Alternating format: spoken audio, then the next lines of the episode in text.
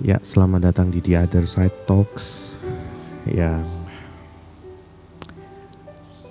hari ini akan membicarakan tentang yang kalian sudah tahu, kalian sudah lihat judulnya. Dan kalian berpikir siapakah saya sehingga saya harus berbicara tentang ini? Anyway, saya juga berbicara tentang Kobe Bryant kalau kalian tahu. Yang mana kenapa sih tiga orang ini sangat membekas sekali gitu uh, kejadiannya. Pertama Kobe Bryant, nggak disangka-sangka bisa begitu gitu. Terjadi gitu aja, apalagi sama anaknya. Ini kaitannya tuh besar banget itu sama anaknya.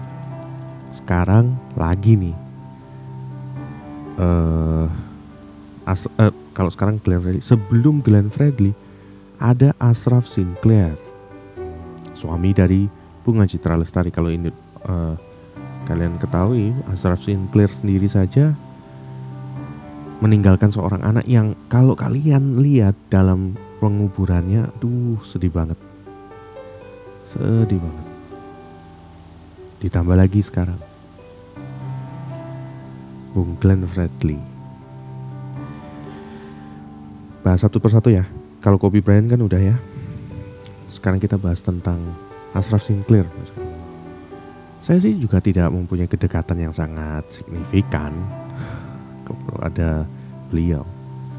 Tapi kalau kalian bisa lihat ya, saya tuh sering banget ngeliat kehidupannya Bunga Citra Lestari dari dia hanya sebagai pemain sinetron lalu tiba-tiba dia bisa jadi uh, penyanyi. Awalnya sih aku awalnya merasa eh aku merasa aduh libet banget. Awalnya aku merasa bahwa ya haji mumpung lah. Kayak nggak tahu artis-artis saja gitu. Tapi bunga BCL bisa menunjukkan gitu kalau punya kebolehan dalam tarik suara. Dan terbukti dia jadi juri Indonesian Idol. Lalu tiba-tiba setelah digosipin dengan orang beberapa orang, eh rupanya dia menjatuh hati kepada Ashraf Sinclair. Kita lihat aja ya dari cerita ini bahwa sebenarnya Ashraf Sinclair tuh orang yang sangat kalau ya aku cuma hanya bisa lihat sebatas sosial medianya lalu beberapa project yang dia buat. Dan kepribadian Ashraf Sinclair ini sangatlah bisa dicontoh gitu. Kebanyakan kalau yang aku lihat tuh kan identik tuh ya image jelek lah. Misalkan artis tuh seringnya cerai kawin cerai.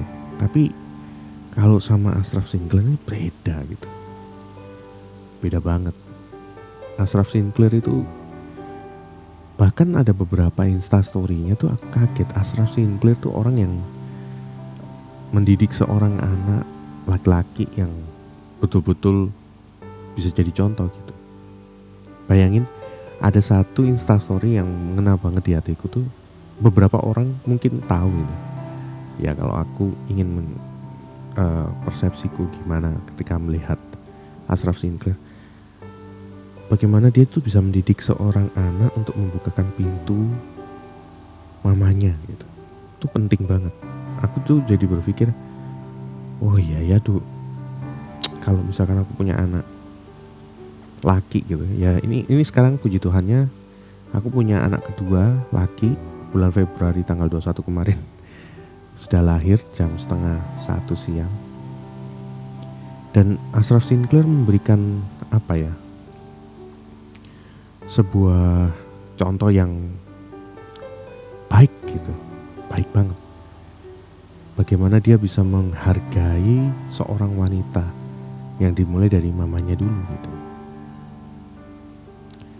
Lalu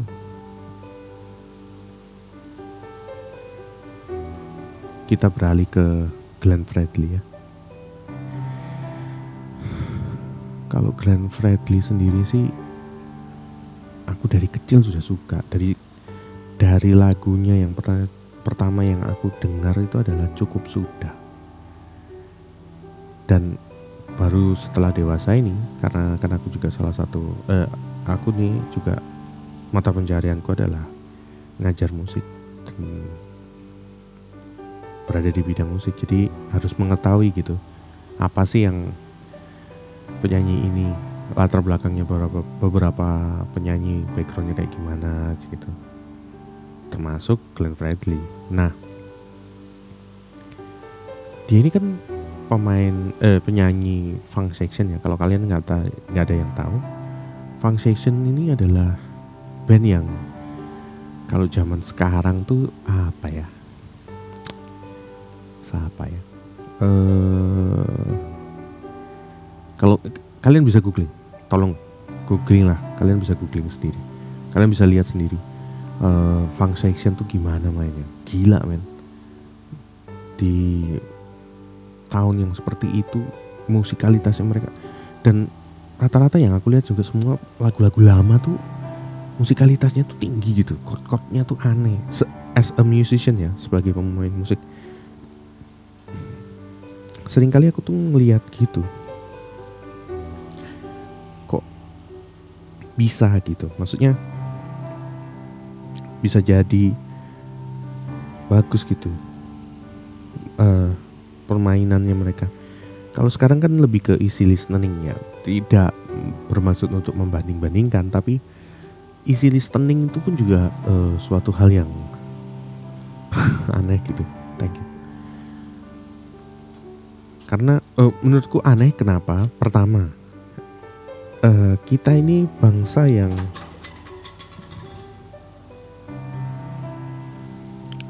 pertama kenapa merasa aneh? Karena kita ini bangsa yang selalu uh, pinter berkomentar.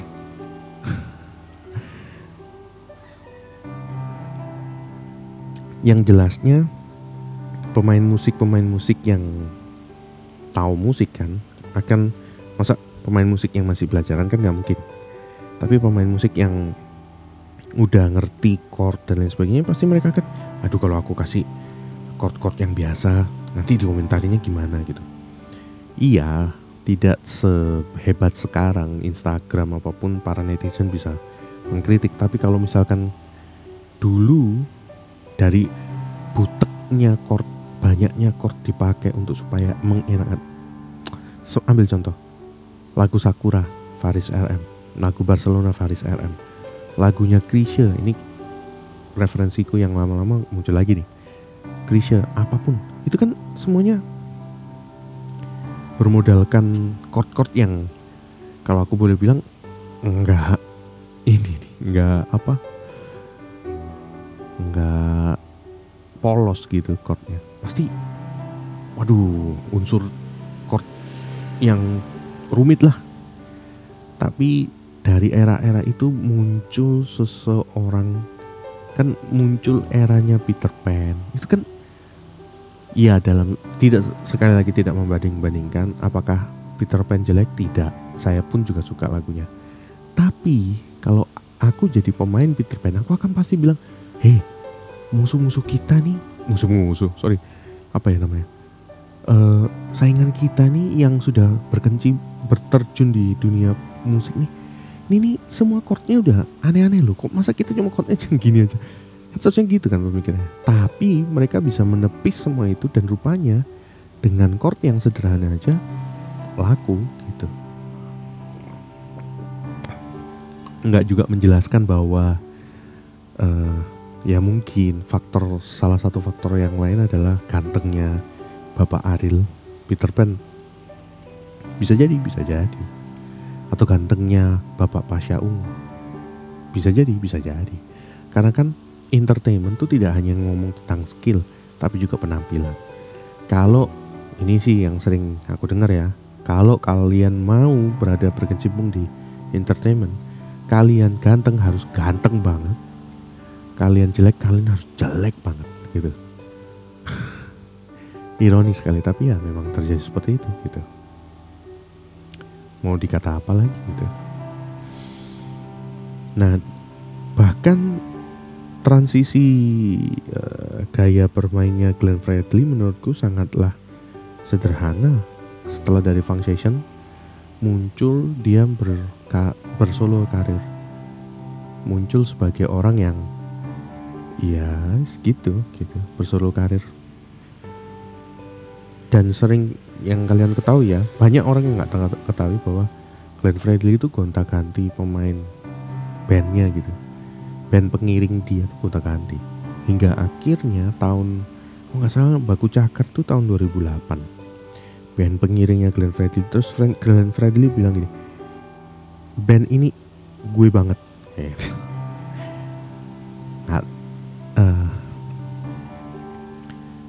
memang betul ketika ditanya di kalau kalian lihat juga ada live IG terakhirnya Glenn Fredly sebelum sakit tuh dia bilang gini kenapa sih Baku Cakar enak mainnya? Dia tuh bukan ngomong tentang ya iyalah skillnya bagus. Bukan. Atau ngomong tentang ya iyalah mereka tuh pinter semua dalam bidang. Yang enggak sih. Tapi dia bilang ini ya karena mereka bisa menaruh feeling atau hati di musik mereka.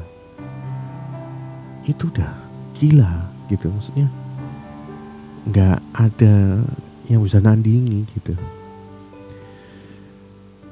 Dalam ya mungkin ketika melihat masa-masa terakhirnya Glenn Fredly di live IG-nya ada di YouTube kok kalau kalian melihat itu jadi bisa belajar gitu bahwa sebenarnya kita tuh tidak harus bisa pintar dalam segala hal tapi kita juga harus pandai-pandai bisa mengeluarkan isi hati atau mengeluarkan hat, uh, feeling yang kalian rasa dalam sebuah karya.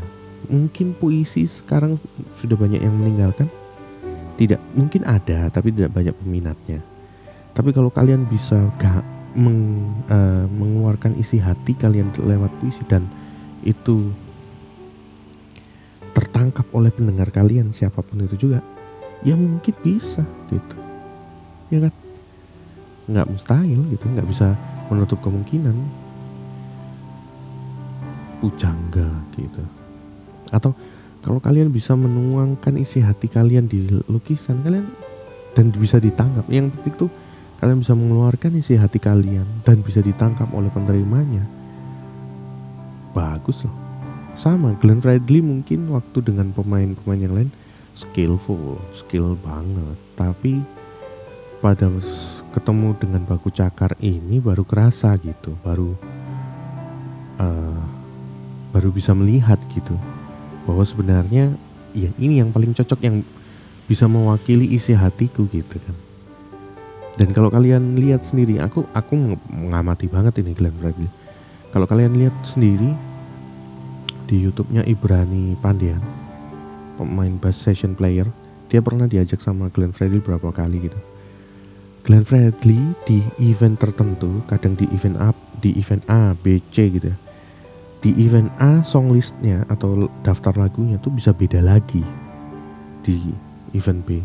Bisa beda lagi di event C. Bahkan di tengah-tengah event B nih like, song list sudah keluar nih tengah-tengah ini langsung dia bisa berubah lagi. Kenapa? Karena dia tuh bisa baca. Hati para penontonnya pemirsanya para uh, istilahnya yang menikmati karyanya dia di atas panggung nih dia tuh bisa baca oh ini mereka nih kemungkinan ya kemungkinan ya, aku bukan Glenn Fredly tapi kalau aku lihat dari gaya dia memimpin mendirect musik yang dia buat itu kelihatan banget gitu bahwa sebenarnya dia dia tuh bisa baca ah ini nih kelihatannya harus dikasih lagu ini nih gitu penikmat yang ada di sini nih dikasih lagu ini nih enak nih nyampe nih. Dan terbukti works berhasil gitu kerjanya. Itu yang nggak didapetin oleh para penyanyi-penyanyi lain. Dan itu yang harus kita bisa pelajari dari Glenn Fredly. Dia meninggalkan warisan yang begitu sangat berharga di dunia entertainment ini. Ya siapa pun kalian yang mendengarkan semoga kalian juga bisa men apa ya meninterpretasikan hal ini dalam kehidupan atau bidang kalian yang kalian tempuh gitu. Aku juga begini jadi ketika Glenn Fredly aku tangkep apa yang aku tangkep sekarang ini aku lakukan. Sorry ya ada taltek nggak apa-apa kan ya. Jadi kalau kalian tahu aku tuh setelah lihat Glenn Fredly aku semangat lagi untuk bikin podcast ini lagi walaupun nggak ada yang lihat gitu tapi ya tetap aja jalan nggak apa-apa kan. Ya kan? Boleh-boleh aja gitu.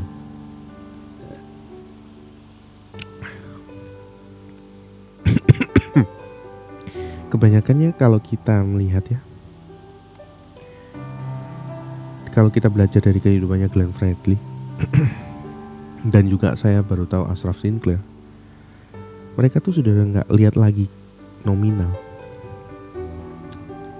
contoh aja lah.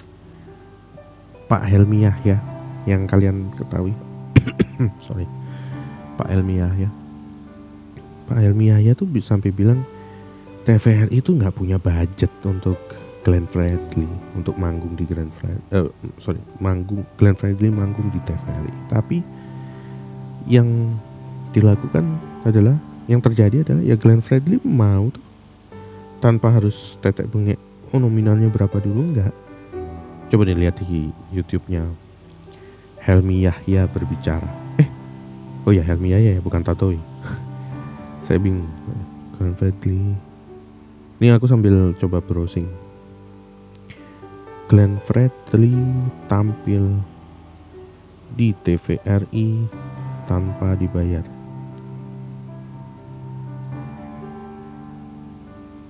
Bener nggak ya keywordku nih? Oh bahkan Helmi Yahya dicopot Glenn Fredly vokal loh mengatakan bahwa kerugian besar bagi TVRI.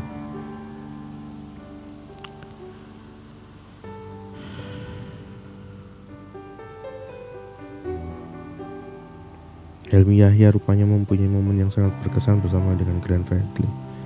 Helmi mengaku mendapatkan banyak dukungan Glenn saat tak lagi menjadi direk, direktur utama TVRI. Kan? Jadi orang udah nggak uh, Glenn Fredly ini sudah berada di state di mana dia tidak lihat lagi uh, apa namanya ya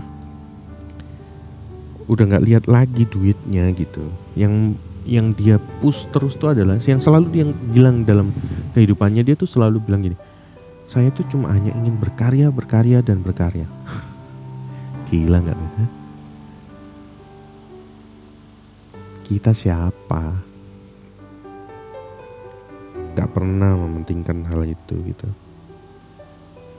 Seharusnya tuh kita mementingkan kualitas daripada kita gini gini. Kita mementingkan kualitas kinerja kita daripada kita harus memikirkan berapa yang kita dapat atau apa yang kita dapat. Bukan, tapi tingkatkan kualitas, maka nominal itu pun yang akan mengikuti kualitas itu gitu loh. Kualitasmu bagus yo terus nambah, kualitasmu jelek ya ya jelek. ya kan?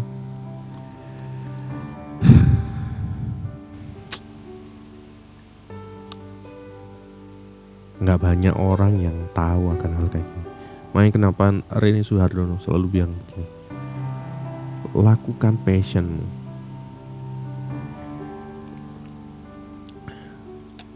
Glenn Fredly udah menuju ke situ gitu. Bukan menuju, sudah berada di situ gitu. Udah kelihatan jelas banget. Banget, bos. Sangat kelihatan banget. Surabaya kota di mana aku tempat tempat aku tinggal. Kalian kalau tahu Surabaya, Surabaya itu dipenuhi oleh orang-orang yang terkadang aku melihatnya nggak semua, oke? Okay? Aku bilang nggak semua, salah kalau aku bilang semua orang di Surabaya.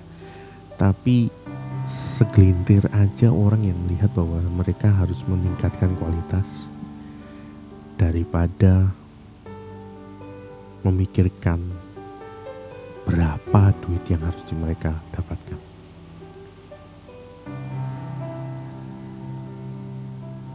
Ini ini kata-kata yang aku dapatkan dari orang tua. kasih sudah menjadi dingin udah nggak ada lagi gitu kasih virus corona mungkin di Jakarta kerasa lebih lebih kerasa. Tapi kalau di sini di Surabaya nggak kerasa. Hanya pada waktu panic buying atau kepanikan dalam membeli gitu loh yang waktu ketahuan bahwa Jakarta eh Indonesia ada yang terjangkit corona langsung kan panik tuh. Banyak department store yang supermarket supermarket besar yang dibanjiri oleh orang-orang berduit kan yang gitu kan ironi banget. Orang-orang yang berduit yang langsung berlomba-lomba untuk bisa mendapatkan uh, kebutuhan pokok mereka dan mereka akan melakukan lockdown secara mandiri kan gitu kan? Percaya ada ada satu kisah yang bagus yang aku mau bagikan kepada kalian? Tahu nggak? Uh, bahkan orang yang nggak ada duitnya loh guys nggak ada duitnya nih. Ini nggak ada duitnya. Dia tuh gimana ya? Jadi ceritanya gini. Ada seorang bapak kalau kalian lihat ya. Ada seorang ini ini, ini gini ini ini aku tidak akan menceritakan secara gamblang tapi aku membuat sebuah ilustrasi aja lah. Supaya nggak enak lah. Orang curhat ke aku kok aku kasih tahu di podcastku walaupun kalian nggak tahu siapa aku tapi aku menjaga kepercayaan teman-temanku yang mencoba untuk menceritakan permasalahan hidupnya. Jadi ilustrasinya tuh begini aja deh. Ada seorang bapak yang bekerja sebagai gojek ojek online tuh. Lalu ditelepon pak di hari yang sama mereka sedang melakukan panic buying. Pak, ini anaknya seorang eh, istrinya nelpon ke bapak ini, Pak, anak kita kebutuhannya sudah habis. Apa bu? Susu, popok dan lain sebagainya. Oh, Oke, okay. aku akan datang sana. Untung aku punya uang dikit, jadi aku mungkin bisa beli susu susu aja gitu ya datanglah ke supermarket yang besar. Terjadilah antrian panjang. Ketika dia mau masuk tuh antrian panjang untuk di kasir udah biasa sih udah biasa. Tapi ketika sampai di rak susu bayi orang-orang tuh kayak rebutan guys. Dan mereka tuh nggak mementingkan orang lain gitu. Mereka bisa beli 20 mereka sikat di lemar di lem, displaynya supermarket itu. 20 aku oh, oh, saya kalkulasi bisa 20 ambil semuanya. Tanpa mereka memikirkan orang lain.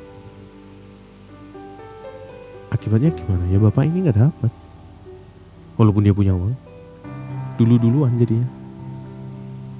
Nggak enak kan? Kasih menjadi dingin udah nggak ada lagi tenggang rasa udah nggak ada lagi kepedulian antar sesama. Udah mementingkan ke dirinya sendiri. Itu tuh naif. Bagiku naif. Sangat sangat naif. Dan itu yang terjadi. Walaupun ini ilustrasi ya guys. Tapi itu terjadi di Surabaya Nah sekarang aku mau bertanya kepada kalian siapa pun yang mendengarkan ini. Kalian bisa nggak sih untuk selalu melihat orang lain? Karena pada dasarnya kita ini adalah makhluk sosial yang mana kadangkala kita harus bisa mikirkan orang lain daripada diri kita sendiri. Berapa banyak orang yang kayak gitu di, di Indonesia? Gak usah di dunia deh, di Indonesia aja Berapa banyaknya? Gak banyak. Iya kan? Karena apa? Ya, benar apa kata orang-orang dulu. Pada saat waktunya akan ada orang yang akan kasih menjadi dingin. Kepedulian antar sesama udah gak ada. Mau jadi apa moral bangsa ini? Cukup sekian podcast hari ini.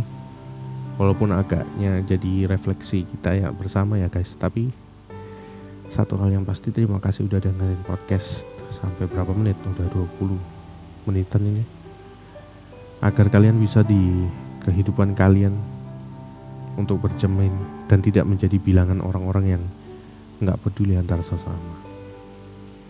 Thank you guys. Sampai jumpa di podcast selanjutnya. Bye.